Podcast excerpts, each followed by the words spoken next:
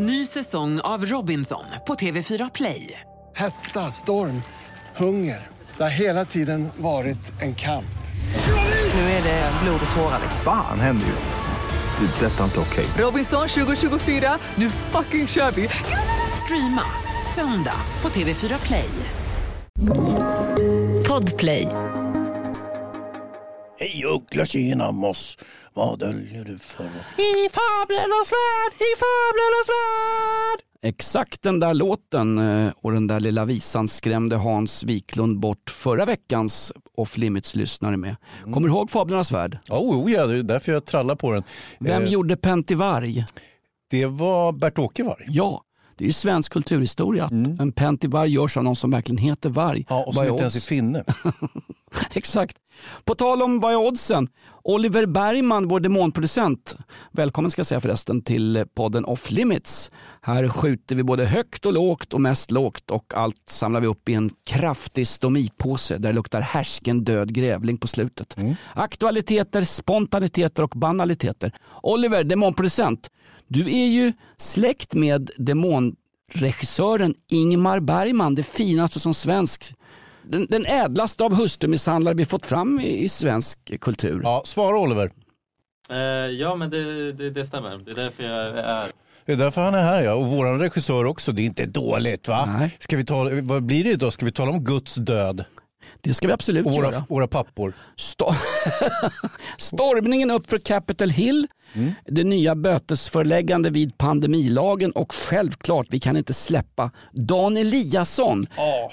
Alltså, det, finns, Jag får ju inte nog av karln. det finns katter som ringer till Dan Eliasson och säger vi har bara nio liv, hur många liv har du Dan? Ring mig på Elefantkyrkogården. Och kommer du ihåg hans hit också, hans punkhit när han var yngre? Knulla i Bangkok. Vilken jävla vidrig låt han skrev. Bara det borde han bli diskad på, men nej då. punken ska vara vidrig. Eh, vidrigt ska inte vara här, vi ska ha en hög intellektuell nivå. Eh, det, ska vara, det ska ligga och pendla någonstans mellan eh, Martina Montelius och eh, Ulf. Parkbänk. ja, där har du det. Där, Där har vi sitter det.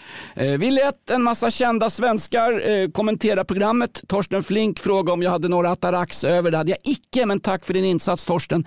Eh, välkommen till Off Limits. Nu kör vi. Vi ska bara först höra vad Gunilla Persson, som råkade, alltså svenska mästarinnan i tandkött, vad hon tänkte och tyckte när hon ramlade in och fick höra delar av våran podd Off Limits. Gunilla Persson, vad tycker du om våran podd? Det är horaktigt. Det är slampaktigt. Det är rena rama bottenskrapet som håller på med sånt skit.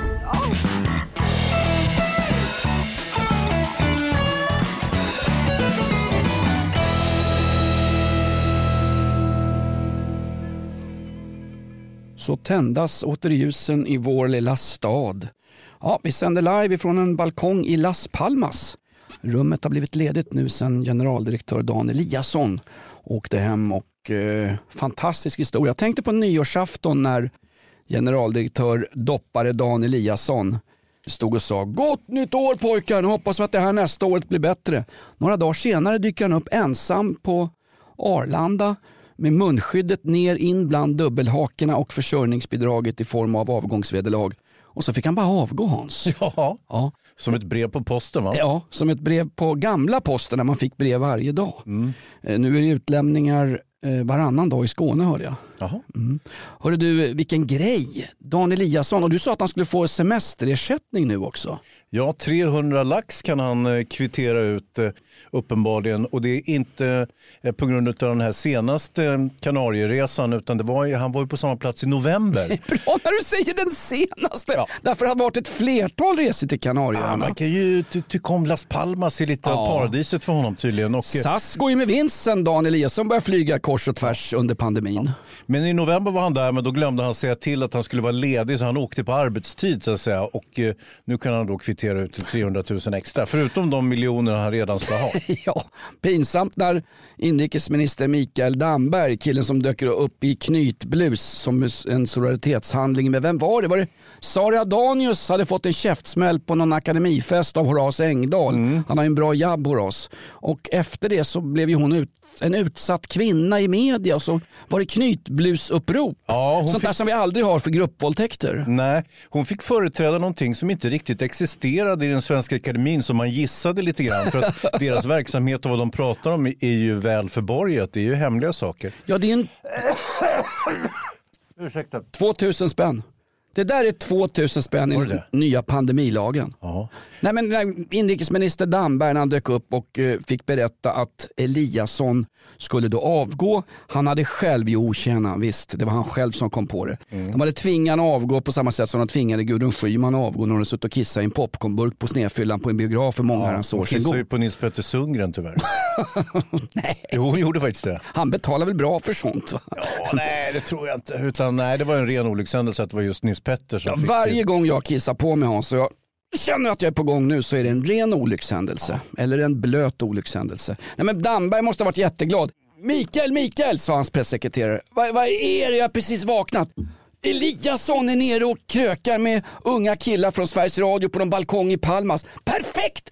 Då kommer ju Svenne Banan, befolkningen snabbt glömma att Stefan Löfven inte kan köpa reservdelar till en rakapparat på nätet och att eh, Tegnell har varit ute och shoppat och att eh, Kristersson var ute i något köpcentrum i Strängnäs. Och vad gjorde Morgan Johansson? Han köpte väl högklackade dojor hemma i Helsingborg va? Ja, han var på Elgiganten va? Eller var det? Flott ska du vara. Ja, men jag tänker det blir han ju inte längre av. Jag köpte kortbyxor så jag kan ha till min nya kostym.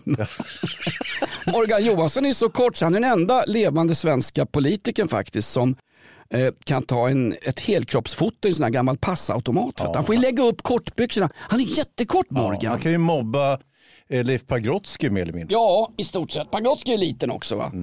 Eh, lite... Också bra kille. Ja, vad har Pagrotsky gjort för världen? Han hade ju tur som var näringsminister just när Roxette började sälja skivor utomlands. Då kunde han stå och säga att den svenska exportindustrin mår riktigt, riktigt bra. Det var ju rena flytet. Jag säger inte att de bästa politikerna har haft tur.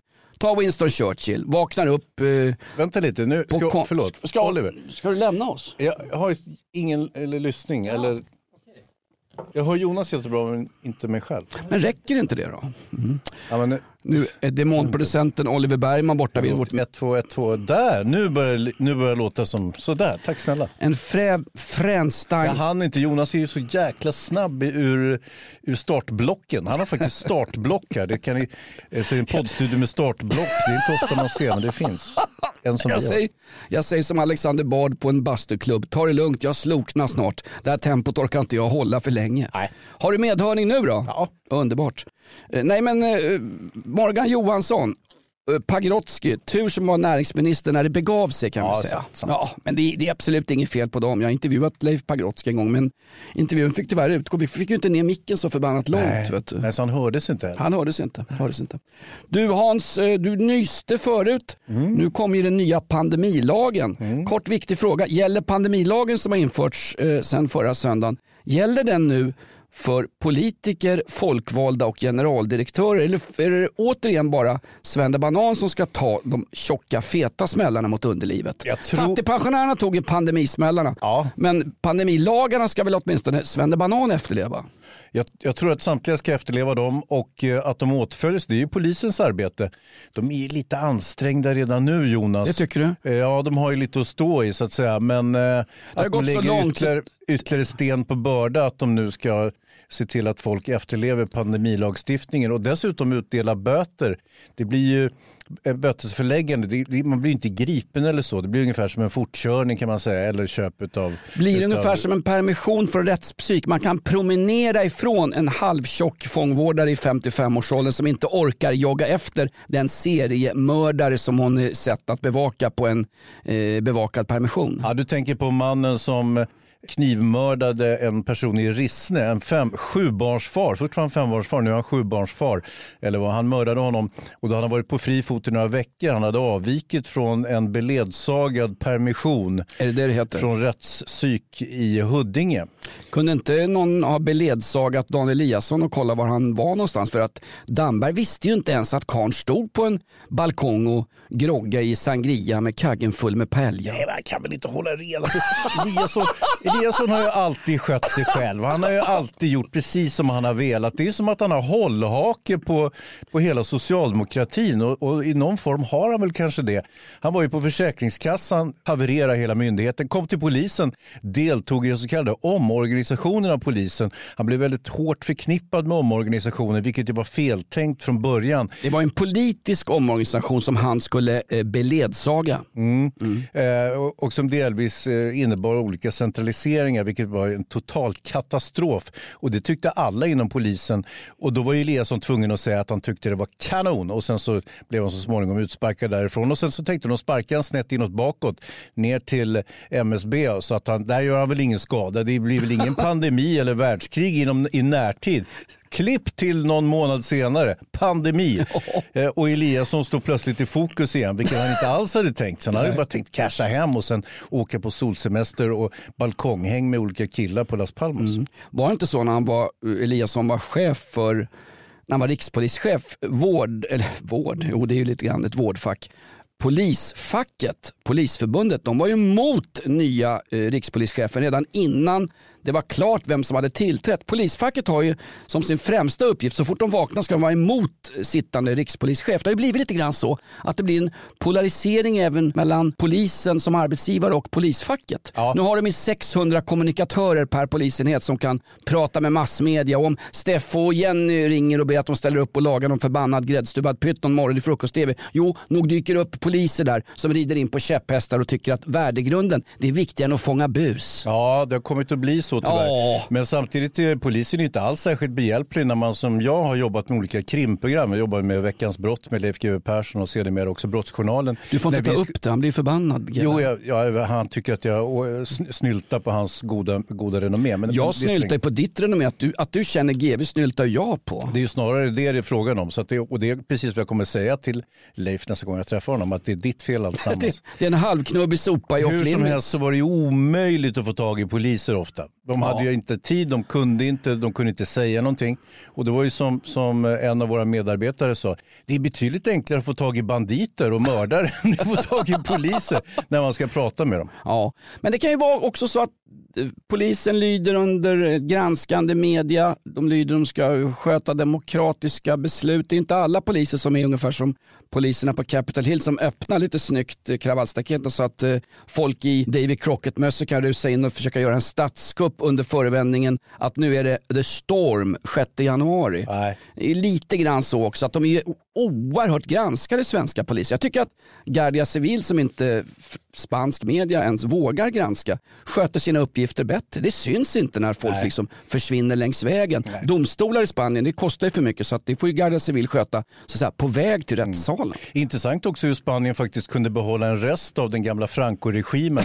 Franco som var diktator i åtskilliga decennier i Spanien och Guardia Civil var ju en av hans paradgrenar Ja. och det kom sen att bestå. Eh, en stark organisation med mer eller mindre brutala hårdföra typer. Ja, där har du ju, alltså grips av Guardia Civil på snedfyllan, kanske inte hos Dan Eliassons eh, balkongfest på Las Palmas, men på spanska fastlandet, då ligger du inte så bra till. Då kan du ligga där och skrika vet du, med en batong i stolgången och skrika om rättssäkerhet. Det finns inte någon sån där. Liksom. Och, men jag kan säga så här också, jag förespråkar självklart inte Francos regim som försvann 1975. Men jag säger, eh, fick jag välja mot Francos regim och det vi har i Sverige idag så ja, då får jag vara lite populist här. Komma in snett från höger och tycka att nu stormar vi upp för Capitol Hill. Det är kanske ett sånt samhälle vi hamnar i om vi inte får, kan styra upp den här skiten. Det är väl inte otroligt och som sagt det är få av oss som är som Roland Janssons karaktär i Sällskapsresan, det vill säga det var bättre på Francos tid. Det är få av oss som säger det öppet men jag tror att det sitter folk vid köksbord runt om i Sverige och har direkt sådana åsikter och det gör mig lite mörkrädd Ja, Hans. det är våra lyssnare. Ja, Bland annat. Jag tror att det är, det är både kreti och pleti va? Mm. Absolut. Hörde, vi ska spela en låt för Dan Eliasson. Eh, han har ju släppt en singel nu. Ja, Och, och... Knulla i Bangkok va? nej, Nej, inte det. det, det är inte i den hörru. Den släpptes som baksida, obs Göteborgsbuskis, Mm. baksida på en singel. Nej, här är det, Han är så lat så säger folk Nu maskar han igen ja, Och när de ser mitt lilla skolk Ja, då vet ju var och en generaldirektören. Confession Men han har bra röst. Står det skrivet på min dörr Gone fishing. Gone fishing, googla låten där hemma. Den hette Jag metar på svenska med Kaka Israelsson. Vi ska ju inte gå tillbaka i tiden men jag kan väl bara få nämna Kaka Israelsson som är en gammal svensk toppslegend på samma sätt som Ulf Elving som här i veckan fick sparken. Från... Gamle svarten. Ja, exakt. Det var Kaka Israelsson. Ja, och vi vill poängtera för... Gamle svarten, Vi vill- min bäste vän i världen. Vi vill När din vandringsfärd är över väntar gröna ängars klöver. Vi vill poängtera att det är alltså inte Lars-Inge Svartenbrandt som hette Arklöv på slutet utan det är en häst han sjunger om faktiskt. En häst som luktade betydligt godare än svarten när han besökte sin dotter Jackie Arklöv. Det här är ett betalt samarbete med Villa Fönster. Du behöver lite mer tryck nu Jonas. Tryck! Villa Fönstersnack med Linnea Bali. Villa, villa, fönster, fönster, fönster med Bali, Bali, Bali. Jonas, nu tänker jag lära dig lite om Villa Fönster. Lär mig baby. Villa Fönster är en rikstäckande leverantör av fönster och dörrar till dig som konsument och byggföretag. Och vet du vad Jonas? Vadå? Jag har en spaning. Ja. Det som gör dem så unika är att de har Sveriges bästa leveranstid. Ja, det går undan har jag hört va? Ja, det gör det. För man tänker kanske som konsument så här, åh nej, det här kommer ta så lång tid. Men inom tre veckor alltså så har du ett svenskt nyproducerat fönster som är redo för omgående avhämtning eller leverans. Oj, oj, oj, inom tre veckor. Är det inte så också, jag har hört ryktena, de har Sveriges största fönsterlager va? Ja, med 500 olika varianter av fönster. Och eftersom de allra flesta av oss vill ha olika storlekar på fönster så kan Villa Fönster dessutom göra anpassningar såsom spröjs, spaltventil med mera. Oj, oj, oj Linnea, du övertygar här. Du vet inte vad en persedel är för någonting, men spröjs och spaltventiler. Här har jag nästan läst på universitetet om det här. Ja, och är det någon som har koll så är det Villa Fönster. Historisk referens här. Har du? Ja, alltid. Ända sedan 2008 så har Villa Fönster alltid haft visionen att erbjuda kvalitetsprodukter till rätt pris och kortast möjliga leveranstid. Ja, jag är nöjd Men vadå? med vårt Villa Fönstersnack. Villa Fönstersnack med Linnea Bali. Villa, villa, fönster, fönster, fönster med Bali, Bali, Bali. Tack Villa Fönster. Ny säsong av Robinson på TV4 Play. Hetta, storm, hunger. Det har hela tiden varit en kamp. Nu är det blod och tårar. liksom. Fan händer just det. Det är detta inte okej. Robinson 2024, nu fucking kör vi! Streama söndag på TV4 Play. Ett poddtips från Podplay. I fallen jag aldrig glömmer djupdyker Hasse Aro i arbetet bakom några av Sveriges mest uppseendeväckande brottsutredningar. Går vi in med hemlig telefonavlyssning och, och då upplever vi att vi får en total förändring av hans beteende. Vad är det som händer nu? Vem är det som läcker? Och så säger han att jag är kriminell, jag har varit kriminell i hela mitt liv men att mörda ett barn, där går min gräns. Nya säsongen av Fallen jag aldrig glömmer på Podplay.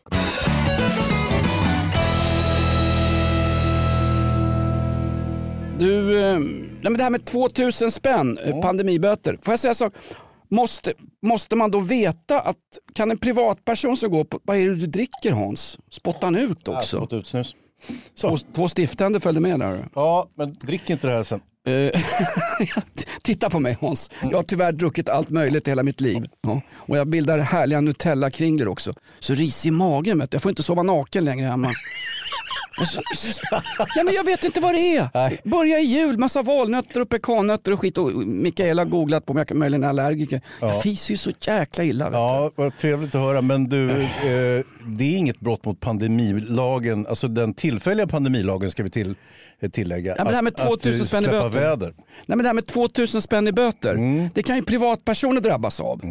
Eh, Och då undrar jag, då måste jag ju som enskild polisman frånta det sociala avståndet när jag ska gå fram och gripa någon som gör det. Och jag måste också veta att den personen är covid-19 positiv eller alltså innehar den så kallade kinespesten.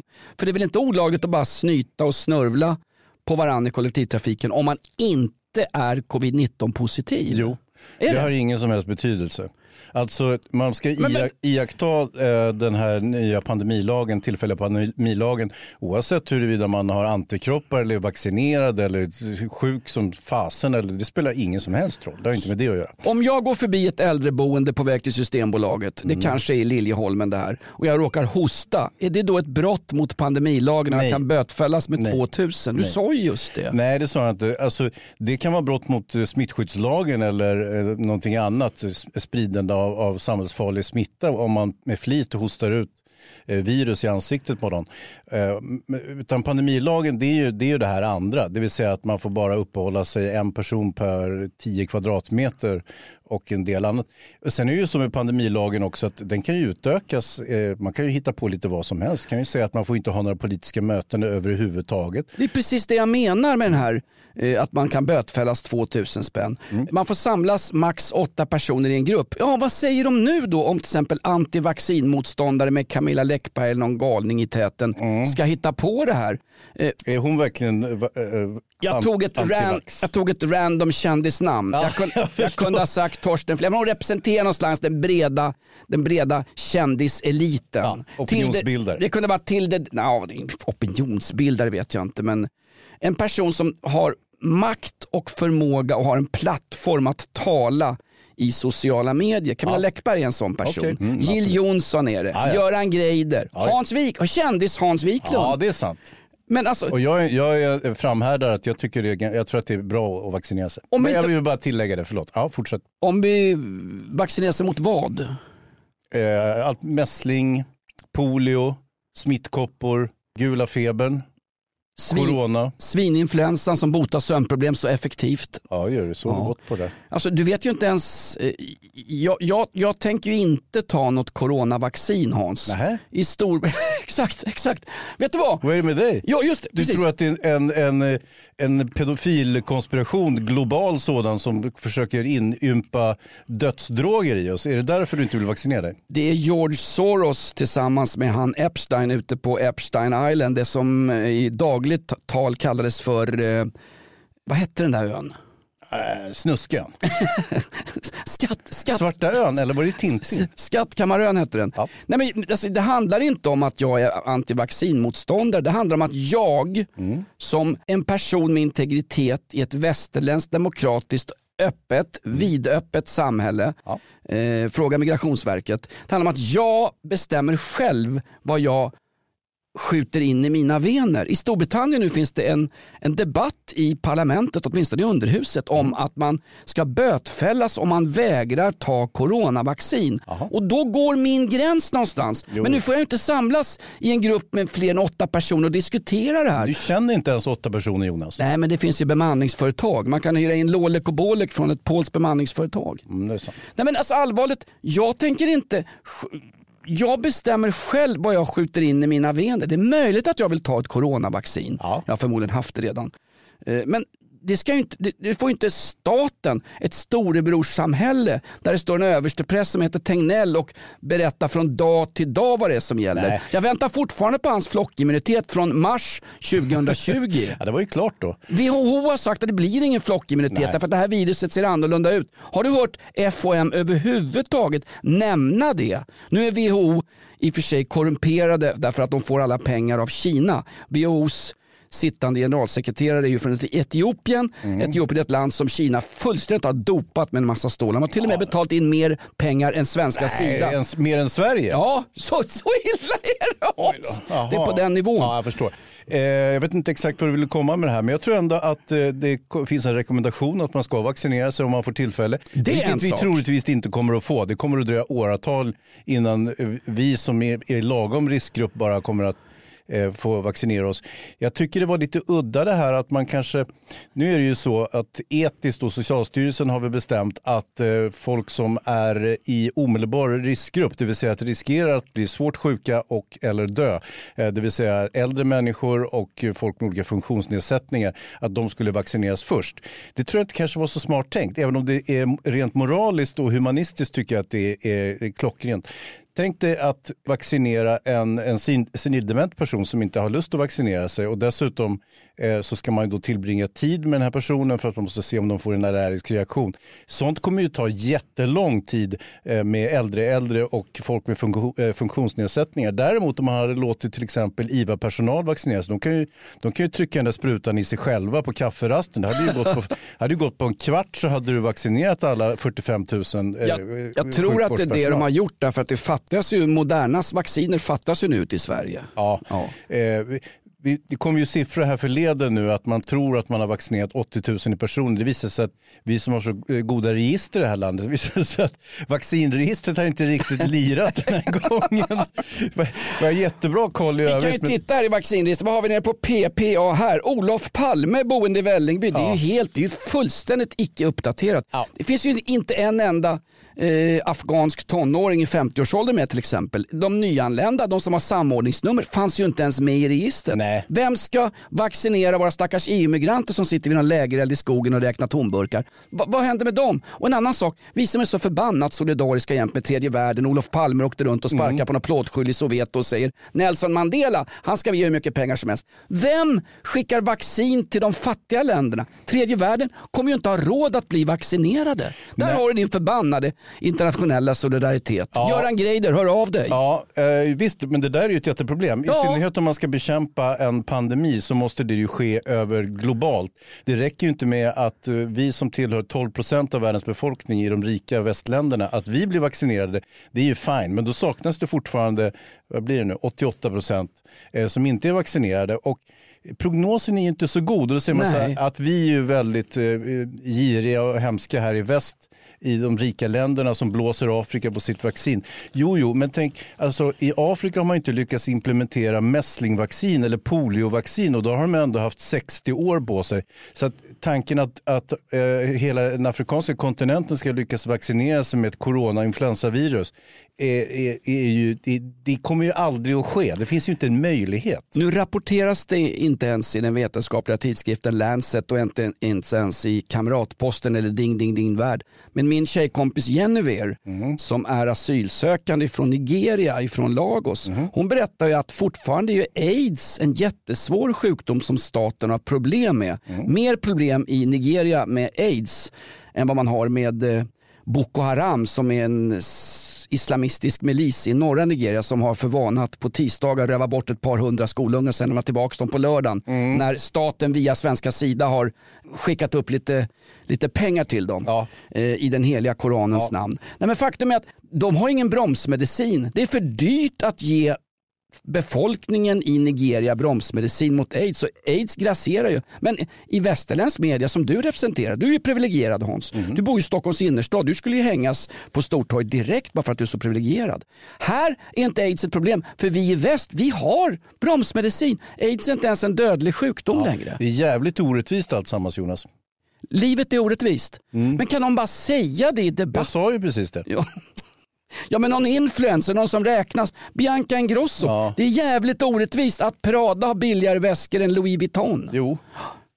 Vart vill jag komma Hans? Jag ville, Det ska du inte fråga mig. jag ville komma innan, in, innanför din flanellpyjamas. Snösmockan i veckan Hans. Eh, Du sa att de skulle placera ut bandvagnar på strategiska ställen. Så långt har inte ens Försvarsmakten eh, sagt. Hägglunds skulle låna ut bandvagnar till vad var det, Örnsköldsvik och Härnösands kommun när klass 3 snösmockan drabbade Sverige. Det var en större panik än pandemin. Ja, det var ju det och eh, det är ju intressant att vi också letar efter katastrofer på något vis i det här landet nu.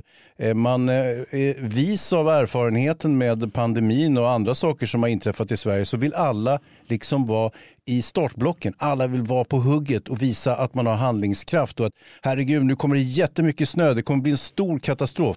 Det kommer snö jämt, det kommer snö varje vinter. Det har gjort, när vi var små, det var det snö hela tiden. Det var ingen klass 1, klass 2, klass 3, ingen sånt. Ingen, ingen panik, ingen, elen försvann. På, folk hade ju inte ens el när vi var små. Det var ju, det var ju min, minusproblem. Jag hade, en, jag hade sladdlös flashlight när jag växte upp. Jag ska få bidrag för sånt. Nej men du sa ju det i veckan att, eh, men är det inte, för det där, du har en poäng där. Du fick ju rejält påskrivet att du satt i en varm radiostudio Mm. också och ringde någon sån här, någon, eh, Barnen från Frostmofjällen. Ja, någon isolerad same. Roger Mm. Pontar ringde från Häcklafjäll och hade vallat renar och var strömlös och hade inget vatten och det var allmän panik. Folk får ju faktiskt illa i klass 3-snås. Ja, ja, absolut, men det blev ingen klass 3 utav det. Men, men eh, varningen var klass 3. Ja, men är inte det grann att vi känner vi i det här förbannade kraschade folkhemmet, eh, sen får Lena Melin käka snorkråkor och säga vad hon vill, att vi känner att vi är dåliga på katastrofer. Mm. Estonia, va? tsunamin, Ja. eh, den här stormen Gudrun, Ja. branden uppe i, vad hette den där storbranden? Ja, skogs, skogsbränderna i Nej, Västmanland. nej, nej, nej. Sundsvallsbranden 1878. Du kan ju inte dra så långt tillbaka i historien. Jag försöker bara få igång det lite. Men vi är dåliga på katastrofer. Ändå har vi överbetalda myndigheter som ska ha hand om det här. Mm. Vi är ju sämst i klassen på att bekämpa corona. Sen får de säga vad de vill. Helt Mm. plötsligt så är munskydd någonting som vi ska ha i kollektivtrafiken. Munskydd, jag har ett munskydd i bakfickan. Är det det som gäller? Ja, fast just det här munskyddsidén, Ja. det, det är ju att för att visa liksom, eh, politisk han- handlingskraft. Jag har ingenting, Tegnell har ju fortfarande sagt att det där med munskydd, det gör varken från eller till och det, det är han helt säker på. Det finns ingen forskning som påvisar någonting annat. Men, men, jag tror den här... grejen är att vi vill WHO inte veta av den här aningslösheten som vi alltid har lidit av i Sverige. Vi är ett neutralt land. Ingen kommer någonsin att angripa oss. Vi behöver inget försvar, vi behöver ingen katastrofberedskap.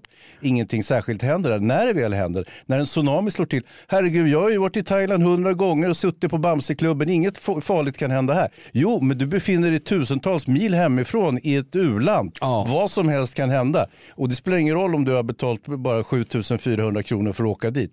Det, det kan hända saker. Och samma sak om du åker en färja över Ålands hav. Ja, det är ju ändå ute på havet. Det är inte helt ofarligt. Eller om du är ute och flyger flygplan någonstans. Det kan hända saker.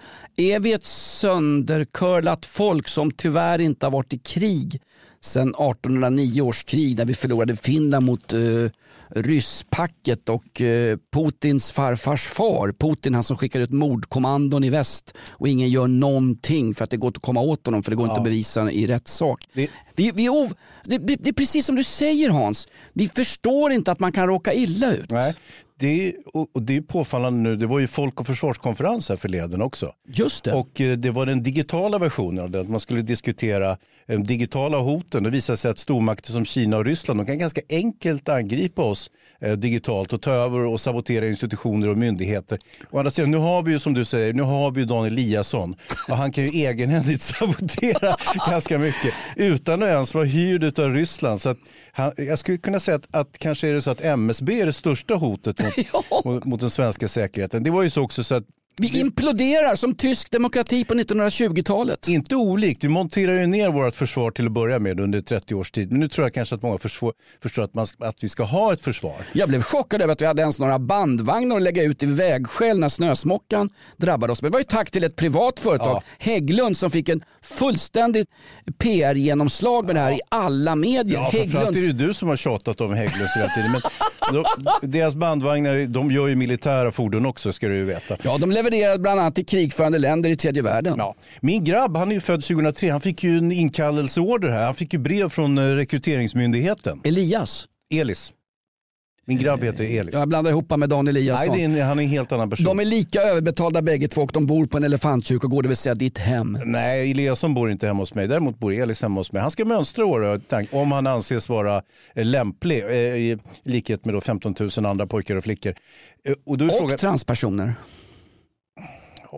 Kolla papperna noga Hans. Ska vi se här nu. Läst i-. Sverige är det enda land i världen så att blir det krig här mot rysspacket så kommer de första frågorna i tidningarna vara Finns det könsneutrala skyddsrum om bomberna kommer? Jag, Jag tror att det är för alla faktiskt. Grejen är så att Jo, det är klart att hbtq plus i-personer också ska kunna eh, bli kallade till mönstring.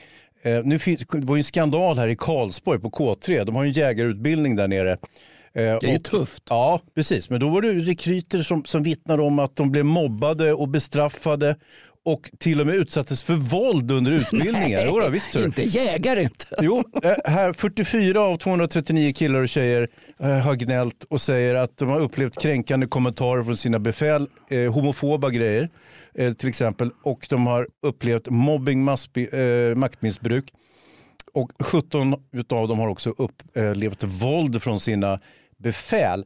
Och eh, en del tyckte också att träningen var för hård. Nej men allvarligt Ja, jag är alltså. helt allvarlig. Och Är träningen för hård för att bli jägare, sök polishögskolan för där är det bara kuddrum och eh, saft. innebandy. Ja, innebandy och, Och innebandy kan vara hårt nog Jonas. Du, inte jäkla tufft. Särskilt med otränade människor som, de som du och jag. Nej men som de här rekryterna. Alltså de här några finniga grabbar som gnällde och sen så eh, försvarsminister bara, "Nej, det är oacceptabelt. Det är väl fasen inte alls. De ska ju bli jägare. Det är här, de här ungdomarna så småningom när de växer upp, de ska ju skickas till Afghanistan och, och Mali och grejer. Om, då, om någon skulle säga något nedsättande om en hbtq plus i-person i Mali, ja det är fullt troligt att det kommer att hända. Men det är inte deras största problem. Deras största problem är att kunna bli sprängda i bitar och se sina kamrater bli garotterade på Facebook. Mm, det är sant. Och Mali för de som kanske inte har eh, gått mer än nio år i grundskola i Sverige och kanske har tappat en skolatlas. Mali ligger alltså mellan Skärholmen och Bredäng kan vi säga. Ja, vad kan man säga. Något Det- sånt Om där. du tar av E4 eh, södergående och precis efter Segeltorp. Men det där var ju märkligt. Alltså, det är alltså, vi utbildar soldater. Kan du tänka någon annan försvar? Kan du, kan du tänka dig finska krigsmakten? Va? Mm. Hjältarna vid Salla, Illitali 1944. Och nu gick vi tillbaka i tiden. Ja, jag vet. Men, det är lugnt. men du, jag tänkte på en sak. Och- min grabb då, ska får vi se om han får mönstra. De kanske tycker han är oduglig, jag har ingen aning. Men jag tycker han är ju ganska tuff och liksom... Elis och är stenhård alltså. Ja, precis. Han är, han är ju. Han sänker dig med bakbundna händer. Mer eller mindre. Och det jag förstår varför. Själv gjorde jag ju inte lumpen. Varför inte? Äh, jag, jag trodde inte på krig på den tiden. Och, Nej, jag eh, tror inte på krig, men jag tror på att om man har ett försvar så slipper man krig. Jag tänkte inte på det sättet. Jag Nej, tänkte okej. på något annat sätt. Och jag var ju, du vet, jag var ju kommunist för den tiden. Jag ska inte ljuga för. Det var alla på den tiden. Ja. Vad var det Stickan Andersson sa? Den som inte var vänster när man var ung hade inget hjärta. Den som inte är borgerlig när man blir äldre har ingen hjärna. Lite och citat Stickan Andersson. Men var bland det Stickan som sa det? Det var Stickan. Han är ju ett geni. Ja. Hur jag träffade helst. en gång på pissmuggen på Hotell Racen faktiskt. Och så började jag klaga på ABBA. Vet du vad han säger? Ingenting, han gick bara ut. Ja, konstigt.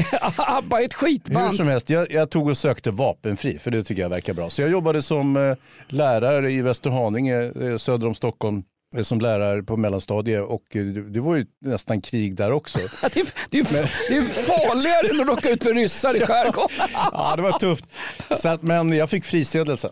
Är det sant? Ja, jag, jag kom på att jag hade viktigare saker att göra än att jobba på mellanstadiet och bli ansatt av ungdomar. Så att jag, eh, Bli påsatt av ungdomar, fråga Bosse Hansson. Jag fick en, det fanns en psykolog eh, i Enskede på den tiden som delade ut frisedlar mot en femhunka.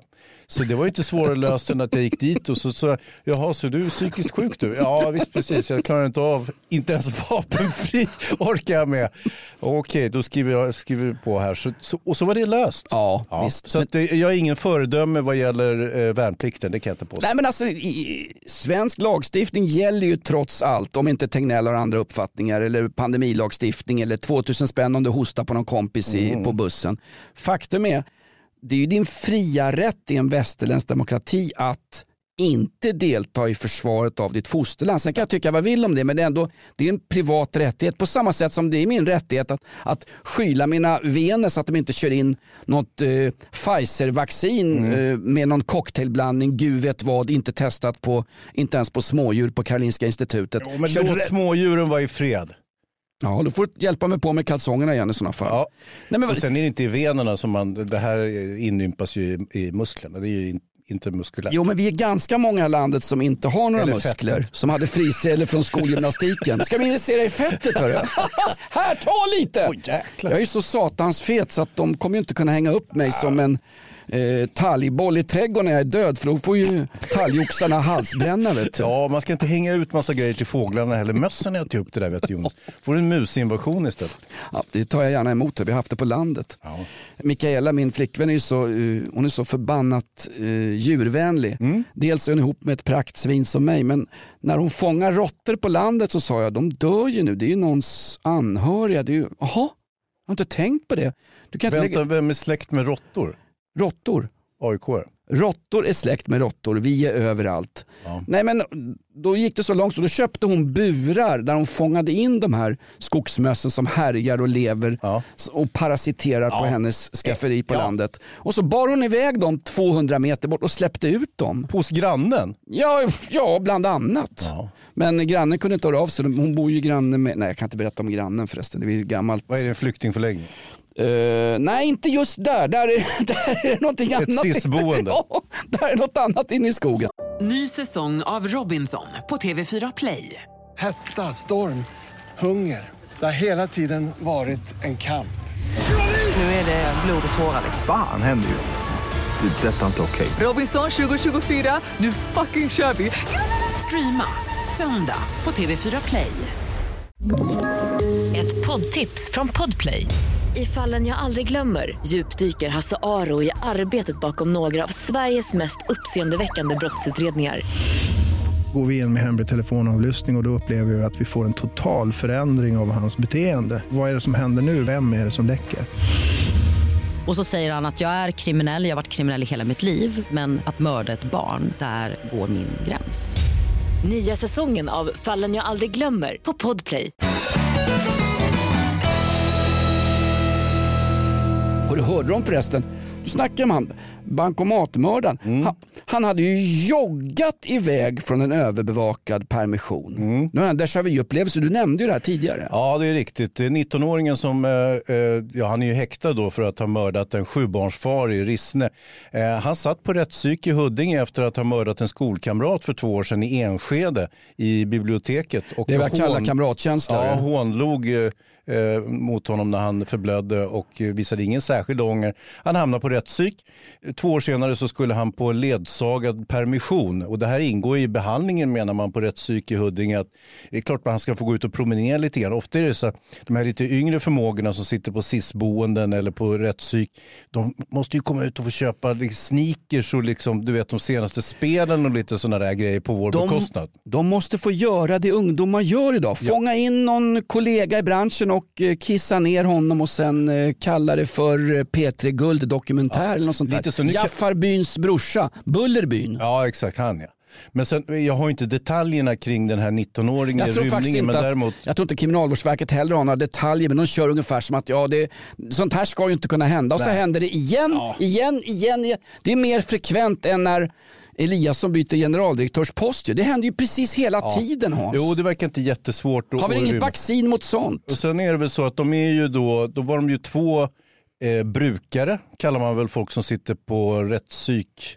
Eh, eller om de är klienter, jag kommer inte ihåg. Hur som helst, så det var två grabbar och sen två vårdare med dem. Och när den ena det vill säga vår 19-åring här, dubbelmördaren vid det här laget, eh, tog till fötterna. Då kunde de andra vårdarna, även om de hade varit vältränade, vilket de förvisso kanske inte var, är de tvungna att stanna kvar på en person. För att en person måste alltid vägledas av två personer.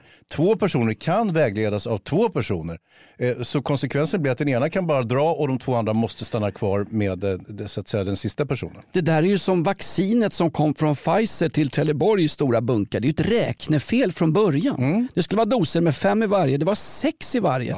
Det där med vårdarna, alltså, det är ju klassiska dubbelmackeregler. Mm. Har du en person måste det vara två till för att det ska fungera. Men två plus två, två kunde bevaka två. Alltså någonstans, Hans, kan, Mm. inte, kan inte någon bara granska? Vi behöver inte sitta här med lösnäsor och clownperuk och storma upp för Capitol Hill i den här podden och hylla Guardia Civil. Men alltså, nå- varför, varför gör... När försvann tjänstemannaansvaret i det här skitlandet? Är det i samband med att Skandiamannen inte sköt Olof Palme? Jonas, är du klädd i djurhudar?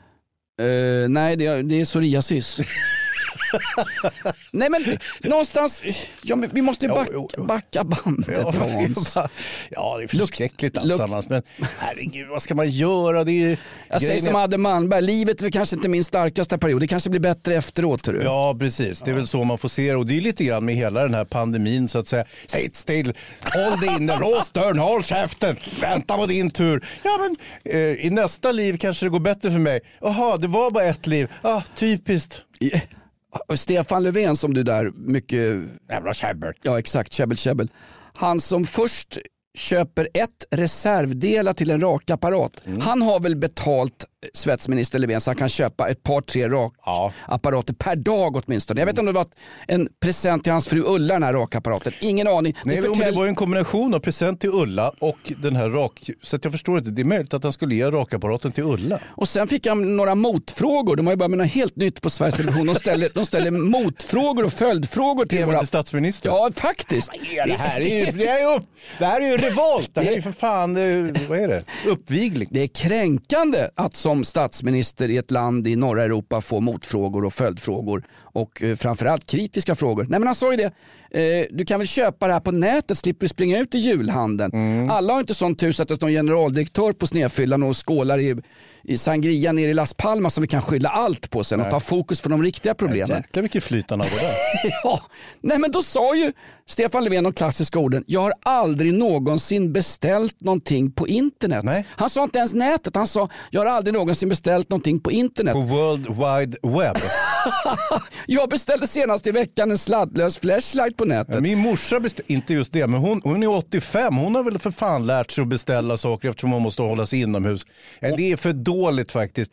Och dessutom... Alltså, man, man, behöver, man behöver inte köpa saker på nätet. Jag är emot konsumtionssamhället på samma sätt som jag är emot att Pfizer får exakt bestämma hur mycket vaccin vi ska få till det här landet när, när Guinea-Bissau och Sierra Leone inte får något vaccin alls. Men man måste ändå leva i den tid man någonstans förfogar över och har hand om. Även om han sitter med en valmanskår i ryggen och förbannat eh, stark som statsminister. Vilken en kris vi hamnar i så han går han ju stärkt ur krisen. Ja.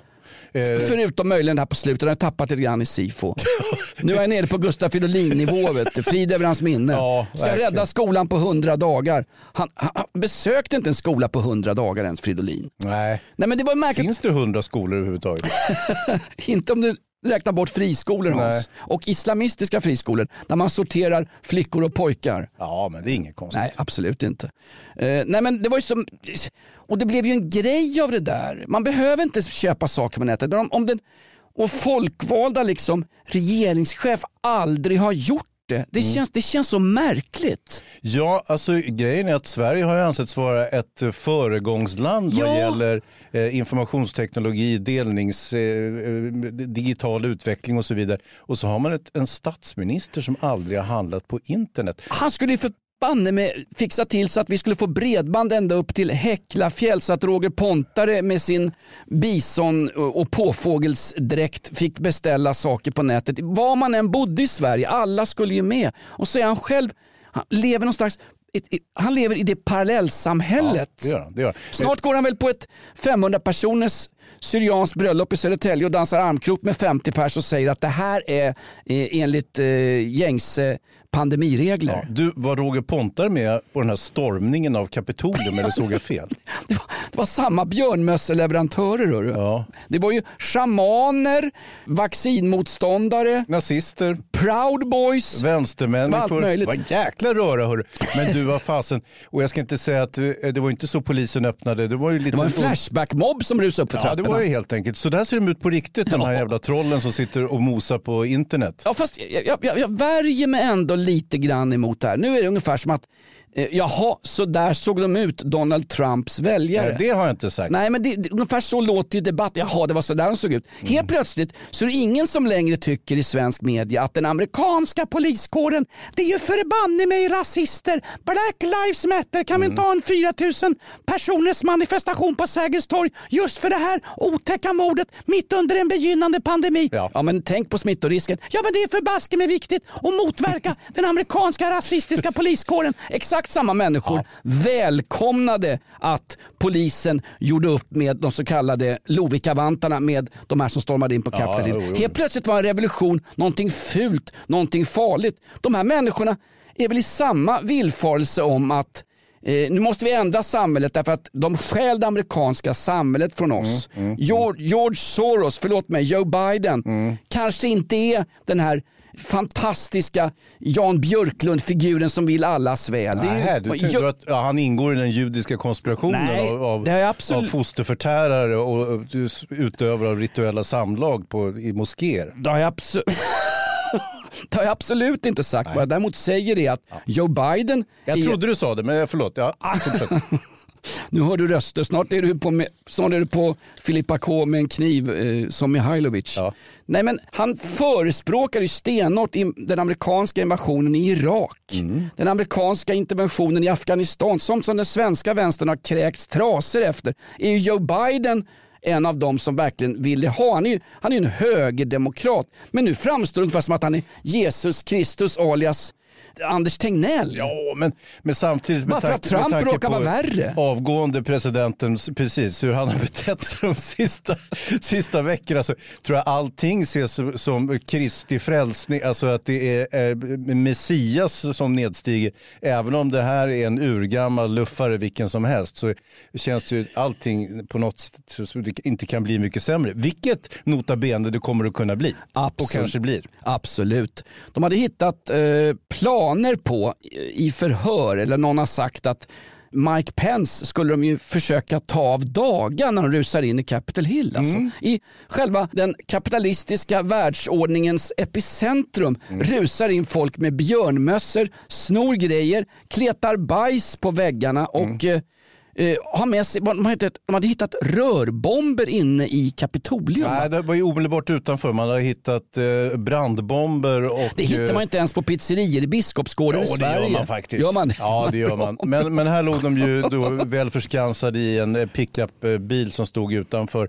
Men eh, sen så var det ju några av de här Proud Boys, de hade med sig buntband så de hade ju kanske tänkt att ta lite fångar där inne. Och då, det är ju fullt tänkt. Samtidigt så det sker ju väldigt öppet, det var en väldigt misslyckad revolution på det viset. Här, här kommer man ju på kinesiskt manér kunna gripa samtliga upprorsmakare, döma dem till väldigt långa fängelsestraff. Alltså hela bunten. Eftersom Hela har de inte bunt- filmat sig själva. Hela buntbandet. Har de inte filmat sig själva så har ju BBC varit där och gjort ett reportage under själva stormningen och filmat varenda jävel. Men de flesta, de flesta som de fångade in, bland annat den här killen från han med, som sprang ut med Nancy Pelosis eh, trosor över skallen. Han la la ut sig själv på Instagram. Så de hittade honom snabbt. Det var grannar som hörde av sig. Och även den här... Får vi tillbaka vårt podium?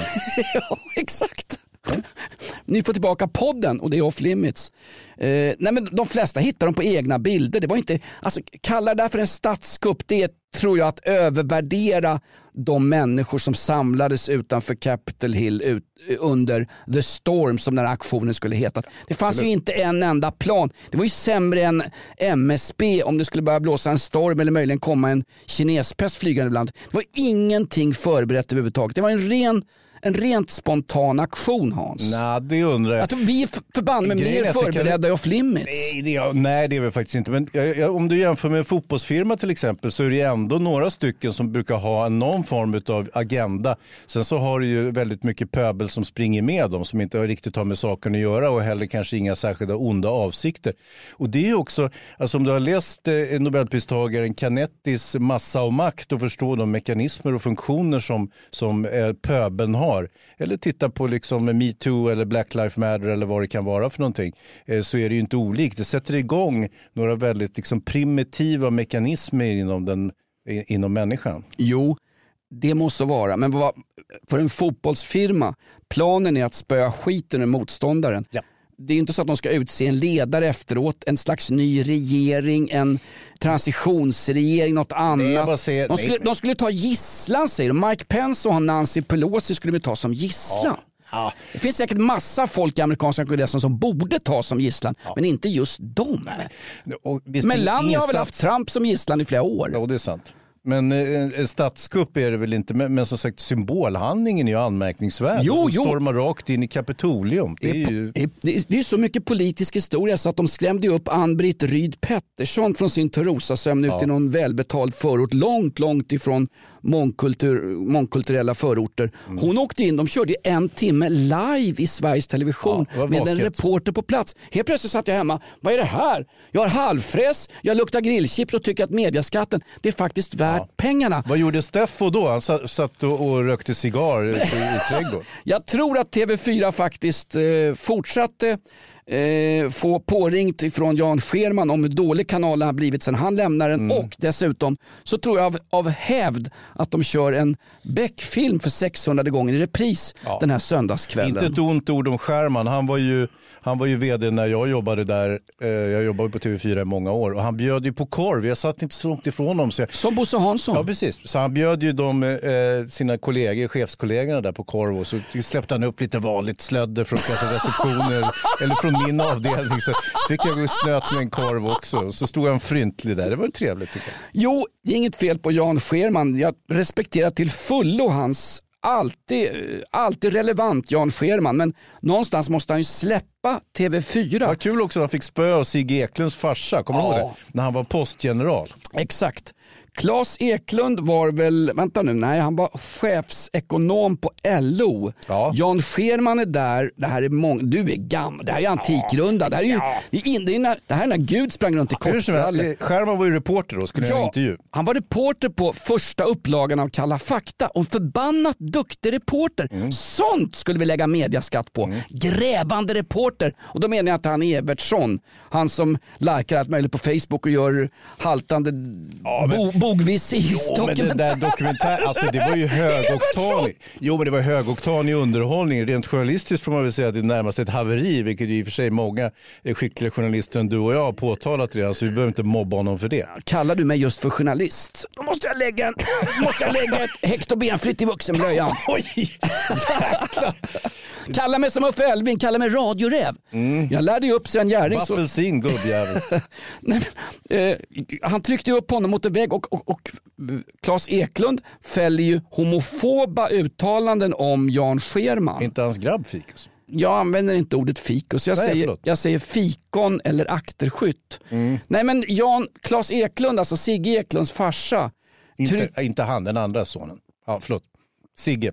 Just det. Eh, Bröderna Eklunds pappa, nu gjorde vi det lätt för oss, trycker ju upp Jan Scherman mot en vägg och kallar honom för en, det kommer ju en, en, en tirad av homofoba ja. uttalanden. Ja, liksom. Och Claes Eklund är ju fortfarande, alltså, alla andra får ju, har jag sagt eh, pissluffare någon gång på 80-talet kan ju någon hä- hämta det någonstans och, och använda det mot mig. Men, men Claes Eklund är ju fortfarande enormt trovärdig som, som vänsterekonom. Och ja. Han har väl en fast stol ungefär som Greider i, i eh, SVT. Nej, men han är duktig och hans söner verkar duktiga också. Inte Riktigt driftiga killar, absolut. absolut.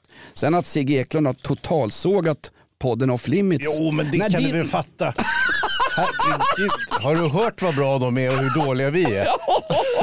han, nej men han sa ju att han hade hört något avsnitt från Off Limits där vi bör, när vi började närma oss dem i, i ratings och skit. Nej, närmar- innan, ja. innan sponsorerna hoppade av, då sa han det.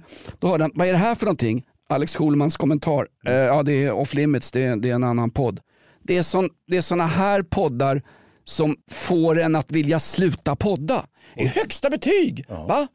Jag säger som Ja, men det sitting, hoppas jag verkligen inte han gör. säger som Sitting Bull vid slaget vid Little Big Horn. Mina fiender har också fiender och tillsammans kan vi besegra dem. Så är det ju Hans. Var Sitting Bull verkligen inblandad i slaget vid Little Big Horn? Sitting Bull ledde ju The Seven Nations, det som de gjorde en låt på de här, vad heter Ja, det? Seven Nation Army va? Sj- Sju urinvånarstammar som gick samman för att besegra general George Armstrong Custer. Alltså det, man kan säga amerikanska kavalleriets egen Dan Eliasson. Fullständigt hopplös på att eh, utföra de uppdrag som honom ålades. Ja, för att citera Strindberg. Så vart han fimpad istället. Ja exakt. Eh, vad, vad hamnar vi? Vi skulle vara dagsaktuella har de sagt. Precis, det är ju, du har ju en tendens att vika ner i historien så att säga. Men, men det var ju jag som började med att eh, Sigge Eklunds pappa klappade till Jan Scherman och det var lysande tv-underhållning. Från slaget till Little Big Horn till TV4, just det. Hör du Hans, eh, vad hade vi mer? Jo, Trump är avstängd från Twitter, var det inte så? Jo, precis. Det är väl märkligt, Twitter är ett, eh, det är ett fritt företag, de får göra exakt vad de vill, men fortfarande så har Ayatollah Khomeini, Hizbollah, Kim Jong-Un och eh, franska högerextremister fullt tillträde till Twitter och kan sitta och hetsa folk bäst de vill. Varför får inte Ronald McDonald Trump göra det? Är det bara för att han har orange prestige? Ja, men det Det är är ju, orättvist. det är lite som, det är lite samma, samma företeelse som att man kan köpa Mein Kampf på Akademibokhandeln men inte Paolo Robertos senaste kokbok. Eller? Så var det ju! Det var ju så faktiskt. Det är faktiskt inte, det är lite speciellt. Eller? Ja, det är mycket, mycket bra iakttagelse. Vi hamnade väl en timme in i podden, sen kom den. Mm. Jag trodde aldrig att ett tyngdtäcke kunde göra så här stor skillnad. Cit- Citat Börje Salming. Fan, han har inte legat på psyket han som vi har. Nej, det har han faktiskt inte. Vi drivs runt med Atarax, vi drivs runt med, eh, vad är det du tar Hans för psykofarmaka? Nej, men det är en cocktail av olika preparat, de flesta är narkotikaklassade. Ja, exakt. Sköljer ner med, eh, med eh, en kopp te. Hörde du om läkaren i Huddinge förresten som hade apotek hörde av sig och Mm. hörde av sig under flera års tid. Han skrev ut så satans mycket benzo till folk så att till slut var det apo enskilda apoteksbiträden som kände igen hans namn Mm. på en massa recept. Och då var det så här, han kunde skriva ut 25 recept till samma person samma vecka. Nu är han stoppad och blivit av med sin läkarlegitimation. Han får inte längre tillhandahålla receptbelagd medicin till diverse eh, chow chow pundare och löskefolk ute i Huddinge. Men ändå, han fick hålla på länge Jo, Hans. men det är också att man är, man är väldigt nervös för att liksom samköra till exempel förskrivningar med, från olika läkare, eller har varit hittills. Och det är mycket sådana integritets... Vi, vi är besatta av att behålla integriteten. Ingen som har förstått att det finns ingen integritet längre. Vi gav ju upp den samtidigt som vi loggade in på Facebook första gången. Så att, jag förstår kan- inte, men samtidigt är det så här med, med drug seeking behavior så, så är det klart att det, det finns ju möjligheter för skrupellösa läkare att kunna tjäna lite extra pluring. Om det nu är det eller om att de bara är väldigt snälla. Ja, och, eller blir hotade. Alla som jag känner, nej vänta, ah, vänta nu tog jag i för mycket där. Ja, det gjorde. Jag vill begära villkorligt, ring Silbersky. Här, alla känner väl någon som någon gång har sagt, nej men jag har en bra läkare som fixar sånt där till mig. Nej, det har jag aldrig hört. det är du som har sagt Var det fan också? Det är bra. Hör du Hans, vi börjar runda av den här skiten. Ja, tycker jag. Ja, absolut. Och den här, det här avsnittet tillägnar vi, tycker jag, en, eh, vår nya medarbetare i morgonprogrammet på radion. Har du glömt vad hon heter? Linda Fyrebo. Mm. Har du hört att hennes son heter Tiger? Gör han? Ja. Fränt. Tiger. Vad heter din son? Eh, vilken av dem? ja, men jag är inblandad, vi har ju DNA, Ja, DNA DNA-topsat Erik. Han är, ju, han är ju arbetsför och har en karriärplan så det lär ju inte vara min biologiska son. Nej, precis. Exakt. Och, de här, och sen är han västafrikan tydligen delvis. Där, woo! Fullträff midskepps, han sjunker! Jag är som, vad hette den där, Ruben James. Det första amerikanska krigsfartyget som sänktes av en tysk ubåt innan tyskarna hade förklarat amerikanerna, nu är jag nere på andra världskriget igen. Alltså. Det är härligt ändå. Släppa det där. Nej, nej, det ska du inte göra. alltså, det är en dygd bland vår generation att hålla reda på andra världskriget. Det kommer vara glömt när vi försvinner. Jonas. Hellre blygd än dygd för att citera farmen Kristina.